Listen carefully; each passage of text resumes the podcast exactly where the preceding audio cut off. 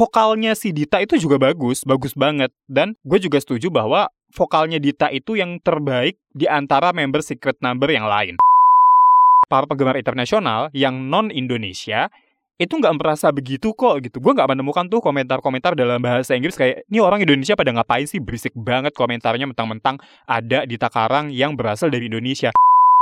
Membuka jalan lebih lebar lagi bagi grup-grup yang lain, iya betul, tapi generasi sebelum mereka itu ada juga yang bikin K-pop terkenal sampai ke seluruh dunia. Walaupun sebenarnya usahanya juga ya gitu-gitu aja sih. Maksud gue gede tapi terus kemudian meredupnya cepet banget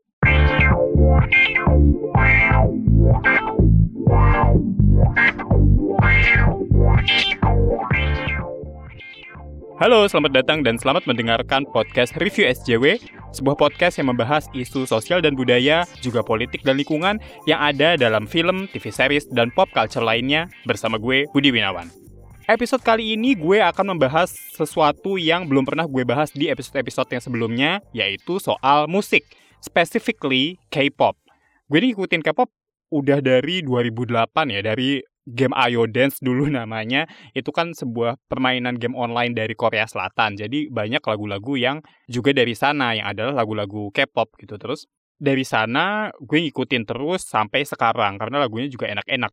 Nah di tahun 2020 ini ada berita yang cukup membanggakan buat orang Indonesia karena ada salah satu member girl group yang berasal dari Indonesia yaitu Dita Karang dan grupnya adalah Secret Number.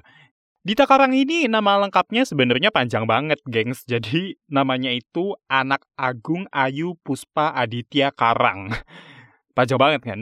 Cuman dia memutuskan untuk menggunakan nama Dita Karang supaya bisa lebih mudah untuk disebut gitu karena mudah diingat juga sih karena kalau kepanjangan kayak gitu kan ya kita juga susah ngingetnya kita sebagai orang Indonesia gitu apalagi uh, orang Korea sana ya dan orang luar negeri juga karena kan niatnya Secret Number itu kan jadi grup yang global gitu karena member-membernya sendiri aja selain Dita itu juga berasal dari berbagai negara lain kayak Lea itu dari Jepang, terus ada Dennis yang dia itu dari Amerika, terus si Jinny itu juga dia orang Korea sih, tapi cuman dia juga ada keturunan Amerikanya, jadi dia bisa berbahasa Inggris. Makanya ya mereka mengincar dunia internasional.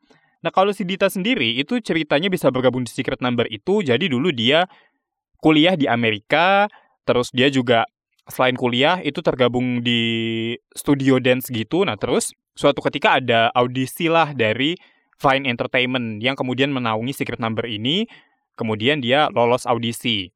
Mungkin bukan lolos kali ya cuman dia dapat kabar dari Fine Entertainment bahwa oh kayaknya kami tertarik deh dengan kamu gitu. Terus habis itu nggak dikabarin lagi tuh katanya. Terus si Dita ikutan audisi lagi ketika Fine Entertainment ngadain lagi. Nah baru di audisi yang kedua itu dia diterima. Kalau nggak salah ya kurang lebih yang gue inget kayak gitu. Dan kemudian setelah diterima audisi, dia menjalani latihan, menjalani training selama dua tahun, baru kemudian debut sebagai Secret Number bersama empat orang lainnya. Gue pribadi, gue itu kan fans K-pop yang sebenarnya skeptikal ya. Jadi gue tuh jarang banget terobsesi dengan satu grup terus yang terlalu ngebangga-banggain gitu. Makanya ketika ada yang justru rame banget, gue jadi skeptis nih, ah apakah benar si Dita itu tuh sebagus itu gitu. Makanya terus gue cobalah nonton video-videonya Secret Number, terutama ini ya, music videonya dan live performance-nya mereka waktu mempromosikan hits debutnya yang judulnya Who. Itu ternyata Dita itu bagus posisinya dia memang sebagai main dancer sih. Cuman gue setuju dengan yang Dian Sastro bilang di live IG-nya dia. Vokalnya si Dita itu juga bagus, bagus banget. Dan gue juga setuju bahwa vokalnya Dita itu yang terbaik di antara member Secret Number yang lain. Well, main vokalnya sih si Dennis ya, cuman Dita itu meskipun dia posisinya sebagai main dancer, itu nada rendahnya buat gue empuk banget, enak banget, dan dia kan liriknya kan cepet gitu. Dia juga pelafalannya jelas, padahal dia baru belajar bahasa Korea itu dua tahun gitu. Jadi dia belum lancar-lancar banget dan liriknya udah kayak gitu dan dia pun membawakannya dengan baik. Dan suaranya itu mengingatkan gue pada salah satu membernya G Idol yaitu Mini. Karena kan Mini juga terutama di Alliance sama Oh My God itu kan dia yang membuka lagunya kan dengan nada rendah gitu dan nada rendahnya tuh deep banget, bulat banget dan itu gue suka banget. Teman gue sih ada yang menganggap suaranya si Dita itu kayak suaranya Yuki ya, sama-sama membernya J Idol juga. Which is suaranya Yuki itu juga bulat dan deep sih, tapi range-nya Yuki itu menurut gue lebih ke arah middle high gitu loh. Sedangkan kalau suaranya Mini itu meskipun dia bisa nada-nada tinggi juga kayak di Lion itu kan Mini itu ada partnya yang dia nyanyi lagu tinggi juga gitu di tengah-tengah. Cuman di part depannya dia nada-nadanya rendah dan itu juga bagus. Nah, si Dita itu juga begitu. Dita Karang di Secret Number waktu pas nyanyi Hoodies itu kan dia juga membuka lagunya dengan nadanya yang juga rendah. Dan itu enak sama seperti Mini gitu. Makanya gue uh, menyamakannya dengan dia. Dan gue suka sama si Dita itu akhirnya ya karena gue tak mengetahui hal itu, karena gue berpendapat seperti itu, bukan semata karena Dita itu orang Indonesia.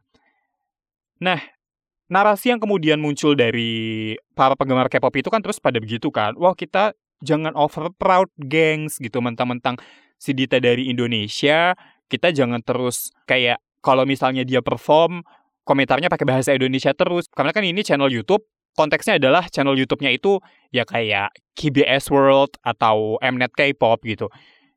Itu kan adalah channel YouTube yang bisa ditonton oleh semua orang di seluruh dunia, termasuk fans internasional kan. Jadi kemudian orang-orang Indonesia itu ada yang bilang bahwa kalau komentar pakai bahasa Inggris dong kayak gitu. Nah terus seolah itu menandakan bahwa kita ini over proud banget mentang-mentang orang Indonesia, mentang-mentang salah satu member secret number itu ada yang orang Indonesia, kok kita orang Indonesia jadi spamming komentar gitu. Padahal pas gue lihat di kolom komentar itu yang komplain itu nggak ada selain orang Indonesia itu sendiri gitu. Jadi gue ngerasa aneh aja. Lo seolah-olah khawatir lo berkomentar Indonesia itu akan gengges banget buat para penggemar internasional. Padahal para penggemar internasional yang non Indonesia itu nggak merasa begitu kok gitu. Gue nggak menemukan tuh komentar-komentar dalam bahasa Inggris kayak ini orang Indonesia pada ngapain sih berisik banget komentarnya mentang-mentang ada di Takarang yang berasal dari Indonesia. Gak ada yang berkomentar kayak gitu gitu kecuali orang Indonesia itu sendiri which is ironic gitu kan. Dan gue jadi kayak mikir apakah kultur over proud itu beneran ada? Kultur yang kita terlalu membangga-banggakan banget itu apakah ada gitu?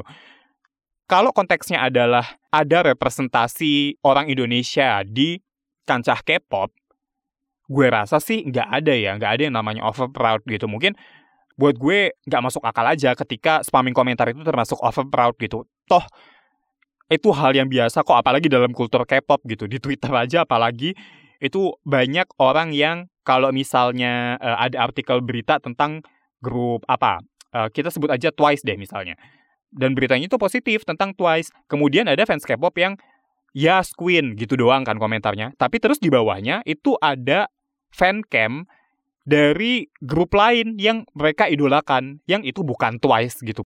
Itu aneh kan menurut gue itu tergolong spamming plus juga in a way kind of over proud sama grup mereka gitu. Nah, itu loh kultur proud yang salah satu kultur proud yang nyata itu yang kayak gitu menurut gue bukan spamming komentar dalam bahasa Indonesia ketika ada member salah satu grup yang dari Indonesia. Terus budaya proud yang berikutnya itu adalah ketika fans K-pop itu gak objektif dalam memuji atau mendukung idola mereka. Jadi misalnya di K-pop itu kan udah jadi rahasia umum lah bahwa masih suka ada yang lip sync bahkan sampai sekarang. Kalau dulu itu lebih sering lagi dan itu yang sering dibantahkan. Beberapa tuduhan artis yang lip sync itu memang salah sih bahwa artis yang live itu juga ada, nggak semuanya lip sync. Kalau ada orang yang bilang, wah artis K-pop kan lip sync semua, itu pasti belum pernah dengerin K-pop deh. Atau enggak, jarang, tapi udah judgmental duluan. Yang live itu ada, ada banget dan banyak, tapi yang lip sync itu juga masih sering dan masih ada, masih banyak. Dan jenis lip syncnya itu ada dua. Jadi yang pertama itu full lip sync. Gue menyebutnya full lip sync itu jadi ketika artisnya ini perform, mereka lip sync menggunakan recording studio. Recording yang kita dengar di Spotify, di YouTube gitu yang uh, dari material aslinya lah. Nah, lip sync yang kedua itu lip sync yang pre-recording.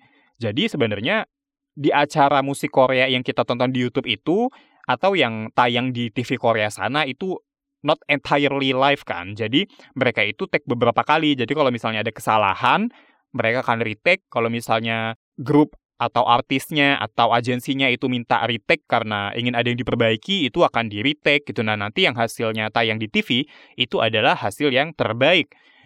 Nah sebelum mereka take itu, mereka take vokal dulu atau enggak ya kayak ya mereka live sih ya sambil nyanyi ya sambil ngedance tapi karena mereka tag-nya beberapa kali, akhirnya yang disiarin adalah video terbaik dengan vokal terbaik. Jadi kayak misalnya ada grup yang tiga kali tag nih. Nah di tag yang kedua itu vokalnya mereka bagus, tapi dance mereka, performance mereka yang bagus itu di video yang ketiga. Nah akhirnya audio yang dipakai audio dari yang hasil tag kedua gitu misalnya. Well, honestly gue nggak tahu detailnya sih apakah benar seperti yang gue jabarkan. Cuman kurang lebih gambarannya adalah seperti itu. Ya, tetap lip sync, tetap nggak nyanyi live, tapi juga nggak pakai material asli mereka. Mereka tetap recording dulu di tempat gitulah voice uh, mereka uh, waktu pas mereka nyanyi. Cuman ada juga yang bener-bener pure live. Jadi ketika mereka perform, itu mereka nyanyinya live, walaupun mereka retake, ya take keberapa yang bagus, video dan suaranya itu yang dipakai dua-duanya sama gitu. Jadi source audio dan videonya sama. Cuman masih ada orang-orang fans garis keras yang fanatik banget yang nggak percaya bahwa itu pre-recording gitu bilangnya bahwa eh ini mereka live kok gue bisa mendengarkan suara nafas mereka terutama uh, di bagian ini di bagian refnya gitu gue dengerin banget tuh suara ngos-ngosannya gitu padahal ya suara ngos-ngosan kan juga bisa direkam gitu. Nah, yang kayak gitu-gitu. Padahal gue yakin banget fans garis keras itu juga ngikutin grup idola mereka udah lama kok. Jadi harusnya mereka bisa ngeh gitu loh. Antara pure lip sync, pre-recording, atau pure live itu harusnya mereka bisa gitu. Terus beberapa fans itu juga masih banyak yang coba meyakinkan orang-orang untuk memaklumi idola mereka bahwa eh itu kan dance-nya susah, jadi ya susahlah untuk mereka perform sempurna dengan vokal yang bagus, apalagi dance-nya loncat-loncat gitu, udah gitu. Ada yang lari-lari juga. Well, padahal di lagu lain itu mereka sempet kok bagus, pernah kok bagus, dan gue agak susah memakluminya adalah mereka itu kan latihan bertahun-tahun. Ada yang lebih dari lima tahun bahkan, ada yang tujuh tahun, ada yang sepuluh tahun. Terutama idol-idol yang angkatan lama ya, yang dari generasi kedua gitu, yang debutnya di bawah tahun 2010. Itu kan banyak banget yang latihannya sangat lama. Berarti harusnya ketika mereka sudah debut, mereka itu bisa dong perform dengan sangat baik. Ya katakanlah kayak Boa deh. Boa itu emang superstar banget sih. Dia itu debut dari umur belasan gitu, belum 16-13 tahun apa kalau nggak salah. Dan sekarang dia juga jadi kayak semacam literally K-pop queen dan itu dia sendiri gitu solo cuman dia juga nyanyi yang sambil ngedance jadi bukan penyanyi solo yang nyanyi doang gitu bukan. Dan itu dia bisa kok bagus-bagus aja. Si Sunmi juga. Sunmi itu salah satu mantan personilnya Wonder Girls. Terus ada lagi solois Chonga. Chonga itu juga sama nyanyi sambil ngedance. Mereka bisa kok bagus-bagus aja. Walaupun ya mereka juga pernah lip sync sih. Kayak si Sunmi sama Chonga apalagi karena Chonga juga baru sih. Itu kadang malah lip syncnya sengaja dikasih lihat gitu.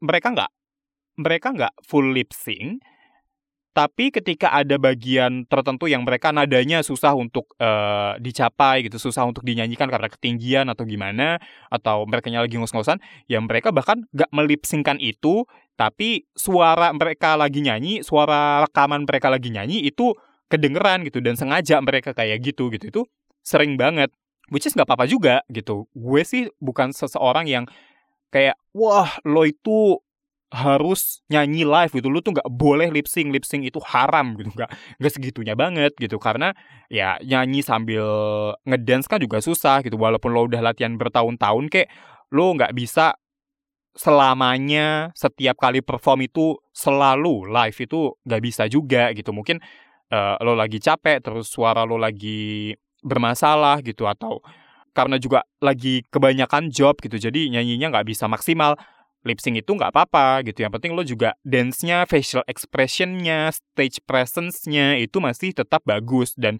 banyak kok grup yang begitu yang penting jangan denial aja maksudnya lo nggak usah halu bahwa grup lo itu nyanyinya live ketika sebenarnya tidak live.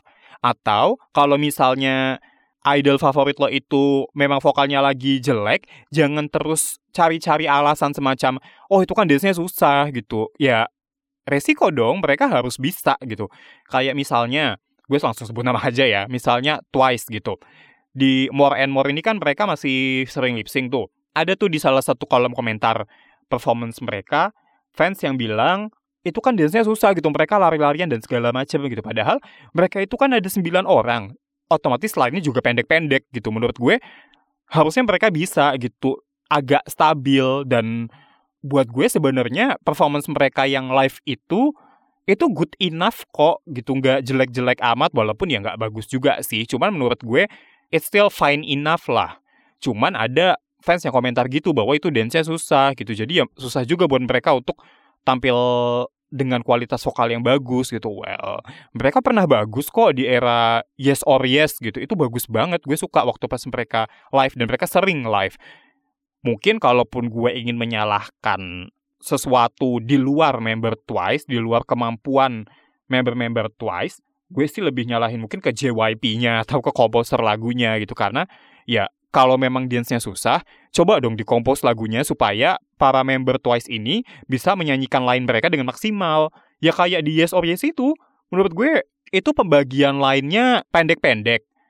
Well, sembilan orang sih, jadi ya sepanjang-panjangnya pun tetap akan pendek juga. Cuman, especially di Yes or Yes ini, line per membernya itu pendek-pendek dan nadanya nggak tinggi-tinggi, udah gitu juga nggak memaksa para membernya untuk nyanyi di luar style vokal mereka.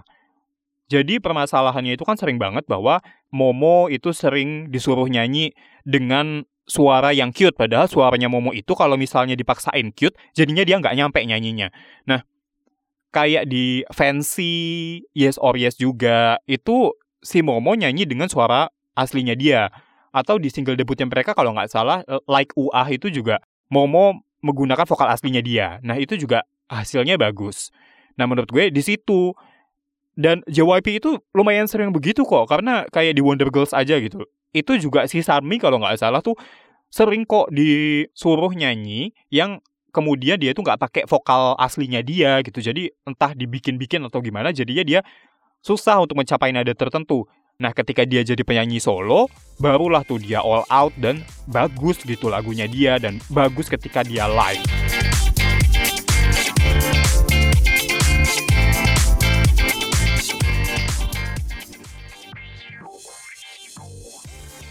Terus overproud yang berikutnya juga misalnya dulu waktu pas ada kasus Sengri, membernya Big Bang.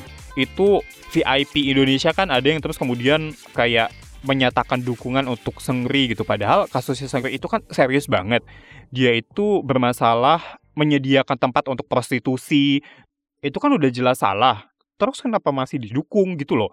Gue pribadi sih juga nggak terus kayak, wah boykot lagu-lagu Big Bang. Nggak begitu gue sih. Gue masih dengerin lagu Big Bang yang lama kayak Lies, uh, Haru-Haru, terus Fantastic Baby, Bad Boy, sama blues gitu. Itu masih gue dengerin karena emang enak-enak sih gimana dong? Gue nggak sebegitu bencinya gitu sama Big Bang hanya karena itu. Cuman nanti ke depannya kalau misalnya kasusnya Sengri itu tidak diproses dengan adil lalu kemudian ketika Sengri bebas Big Bang masih bisa bikin album lagi bikin single lagi mungkin gue pribadi tidak akan mendengarkan kalau masih ada Sengri di situ tapi kalau karya-karyanya yang lama, berhubung gue juga suka, ya gue masih pengen tetap dengerin lah. Cuman kalau sampai didukung padahal dia itu salah gitu kan aneh aja. Nah itu loh menurut gue kultur overproud yang ada di K-pop. Dan itu cukup serius. Terus yang berikutnya lagi adalah, dan yang ini juga sering banget, itu kultur uh, membuka jalan, tanda kutip. Jadi ketika ada salah satu idol yang populer banget dalam skala internasional, terutama Amerika, itu sering banget bahwa wah grup ini pave the way gitu. Terutama kalau di era sekarang itu Blackpink sama BTS. Padahal ya nggak juga sih. I mean, mereka terkenal banget, yes gitu. Mereka juga membuka jalan lebih lebar lagi bagi grup-grup yang lain. Iya, betul. Tapi generasi sebelum mereka itu ada juga yang bikin K-pop terkenal sampai ke seluruh dunia. Walaupun sebenarnya usahanya juga ya gitu-gitu aja sih. Maksud gue gede tapi terus kemudian meredupnya cepet banget. Kalau Blackpink dan BTS ini gede tapi terus nggak langsung meredup. Tiap kali comeback itu dinantikan banget di seluruh dunia gitulah. Termasuk di Amerika juga karena Amerika adalah pangsa musik yang besar. Jadi itu terus yang jadi acuannya kan. Tapi kan sebelum mereka ada Boa Boa itu pernah ke Amerika juga nah setelah Boa itu ada Wonder Girls yang mereka membawakan Nobody yang I want nobody nobody but you yang itu kalau kalian tahu nah habis itu Girls' Generation dengan The Boys yang pernah tampil di televisi di Amerika juga. Tapi mereka itu kan nggak tahan lama gitu loh. Jadi semacam one hit wonder gitu aja terus udah. Sama halnya kayak Sai juga. Sai itu kan terkenal dengan Gangnam Style. Tapi Gangnam Style kelar, udah terus meredup gitu. Di Korea sih masih banyak yang suka. Dan gue pribadi pun malah suka Sai itu setelah Gangnam Style. Jadi maksudnya gue Gangnam Style itu B aja. Baru kemudian setelah dia mengeluarkan Gentleman, I Love It, Two Face, Daddy, itu tuh menurut gue lebih bagus ketimbang Gangnam Style anehnya tapi malah gak lebih populer dibanding Gangnam Style, which is weird gitu. Coba deh, lo, lo semua yang belum coba dengerin lagu-lagunya saya setelah Gangnam Style itu please dengerin karena buat gue itu bagus-bagus banget itu lebih lucu malah dari segi video klip pun jadi kalau misalnya dibilang BTS dan Blackpink itu paved the way itu enggak juga gengs gitu. Karena ada idol-idol sebelum mereka yang membuka jalan terlebih dahulu. Cuman menurut gue kalau misalnya istilahnya mempertahankan jalan supaya terus terbuka lebar, itu baru benar menurut gue. Karena ya seperti yang gue sebutkan tadi bahwa ketika BTS dan Blackpink itu comeback, mereka populer terus. Video klipnya yang di YouTube itu viewersnya langsung melejit gila-gilaan selalu seperti itu. Jadi nggak one hit wonder doang. Gitu. Nah kalau mau dikaitkan dengan kultur over proud lagi menurut gue ada ada banget beberapa mungkin nggak masuk akal ya kayak tadi yang komentar tentang Dita Karang yang dalam bahasa Indonesia padahal sebenarnya nggak apa-apa menurut gue sih Dita Karangnya justru yang sebaiknya berbahasa Korea terus karena kan dia juga baru dua tahun belajar ya. Jadi mungkin sudah lancar, tapi kan dia perlu mempertahankan kelancaran bahasanya ini. Kayak Tiffany SNSD sama Amber X personilnya FX itu juga begitu kan. Mereka dulu juga susah belajar bahasa Koreanya dan susah mempertahankan kelancarannya gitu. Jadi gue pikir si Dita juga nggak akan semudah itu gitu. Makanya kalau misalnya dia terus-terusan didorong untuk berbahasa Indonesia, mungkin akan semakin sulit mempertahankan kelancaran berbahasa Koreanya gitu loh. Jadi kalau untuk di takarangnya, iya itu minim berbahasa Indonesia aja nggak apa-apa. Tapi kalau untuk orang Indonesianya, kita fansnya itu ya nggak apa-apa kalau mau komentar pakai bahasa Indonesia. Itu bukan over proud gitu. Over proud yang lain itu ya yang yang tadi gue sebutin itu. Belain Sengri padahal dia salah. Denial menganggap bahwa suatu live performance itu beneran live padahal ternyata adalah pre-recording terus apa-apa dikit pave the way pave the way. Padahal mereka itu ya cuman mempertahankan aja. Dan itu nggak cuman sih memang itu lo berhak bangga sangat berhak. Dan itu logis sekali. Cuman jangan terus kemudian mengecilkan grup yang lain atau terlalu membesar-besarkan grup yang lo idolakan gitu. Itu kan juga tidak sehat. Dan itu sering banget gitu. Kultur fans K-pop itu nggak sehat itu itu sering banget dan terkenal banget. Walaupun kultur baiknya juga ada kayak waktu pas di Black Lives Matter itu kan sumbangan dana yang besar dari fans K-pop itu kan ada. Terus ketika orang kulit putih itu coba melawan narasi Black Lives Matter dengan All Lives Matter itu which is ridiculous banget. itu fans K-pop juga bantu dengan spamming gitu. Jadi ketika ada hashtag All Lives Matter dan lo searching itu yang ketemu adalah fancam dari idol-idol K-pop gitu. Jadi lo tidak akan menemukan informasi apa-apa. Kayak gitu kan. Nah itu membantu sekali kok.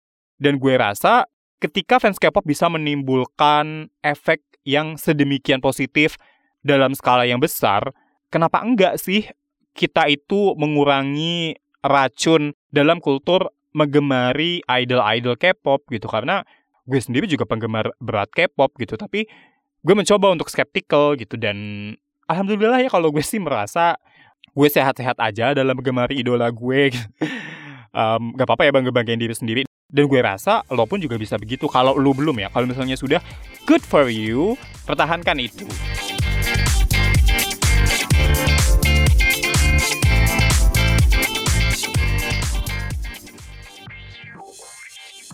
Terus kembali lagi ke Secret Number, mudah-mudahan juga mereka semakin populer karena mereka itu debutnya pas banget bersamaan dengan grup-grup yang juga lumayan besar. Kalau nggak salah waktu itu barengan sama ITZY juga yang dari JYP. Well, ITZY nggak debut, ITZY debutnya udah dari tahun lalu. Cuman mereka comeback berbarengan dengan Secret Number debut gitu. Jadi itu kurang menguntungkan bagi mereka juga. Terus Gak lama kemudian juga ada grup-grup besar lain kayak Twice, terus ini juga ada Blackpink comeback, ada BTS juga comeback, terus ada Hwasa, ada Sunmi, ada Ice One. Jadi banyak idol-idol besar yang comebacknya itu nggak lama setelah mereka debut. Nah takutnya kemudian Secret Number ini tenggelam gitu loh. Jadi mudah-mudahan sih akhir tahun ini mereka bisa comeback dengan single baru gitu. Jangan sampai nungguin tahun depan karena gue rasa bakalan kelamaan sih kalau untuk seukuran grup baru karena biasanya grup baru itu tuh setahun ngeluarin dua single untuk comeback lah. Dan lagu Hoodies ini kan lumayan enak.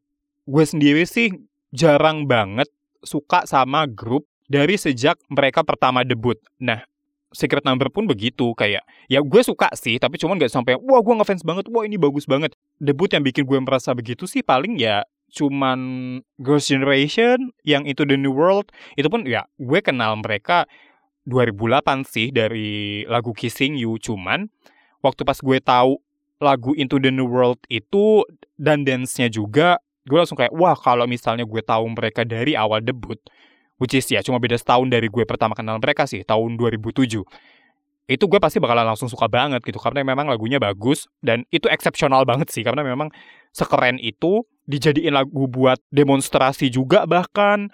Jadi itu memang lagu yang keren banget.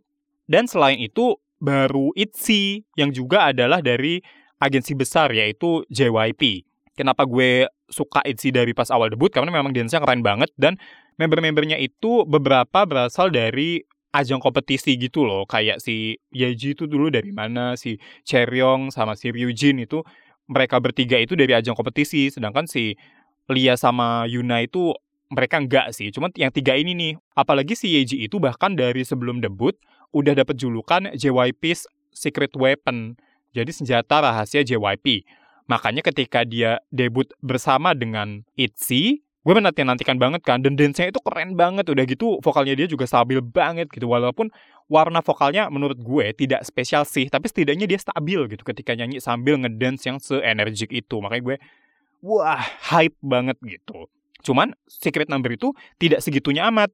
Tapi decent enough gitu. Dan menurut gue itu udah cukup oke. Okay, tapi mereka butuh follow up gitu. Terutama Dita sih. Karena ya sekali lagi ya biar bagaimanapun walaupun gue suka Dita karena kualitasnya dia gue juga tetap bangga karena Dita itu orang Indonesia.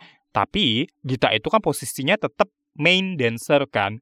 Di lagu Hoodies ini kemampuan dia itu nggak begitu apa ya kelihatan gitu loh jadi gue harap sih semoga di single comebacknya nanti akan ada semacam dance break gitulah untuk nunjukin kemampuannya Dita sebagai main dancer gitu.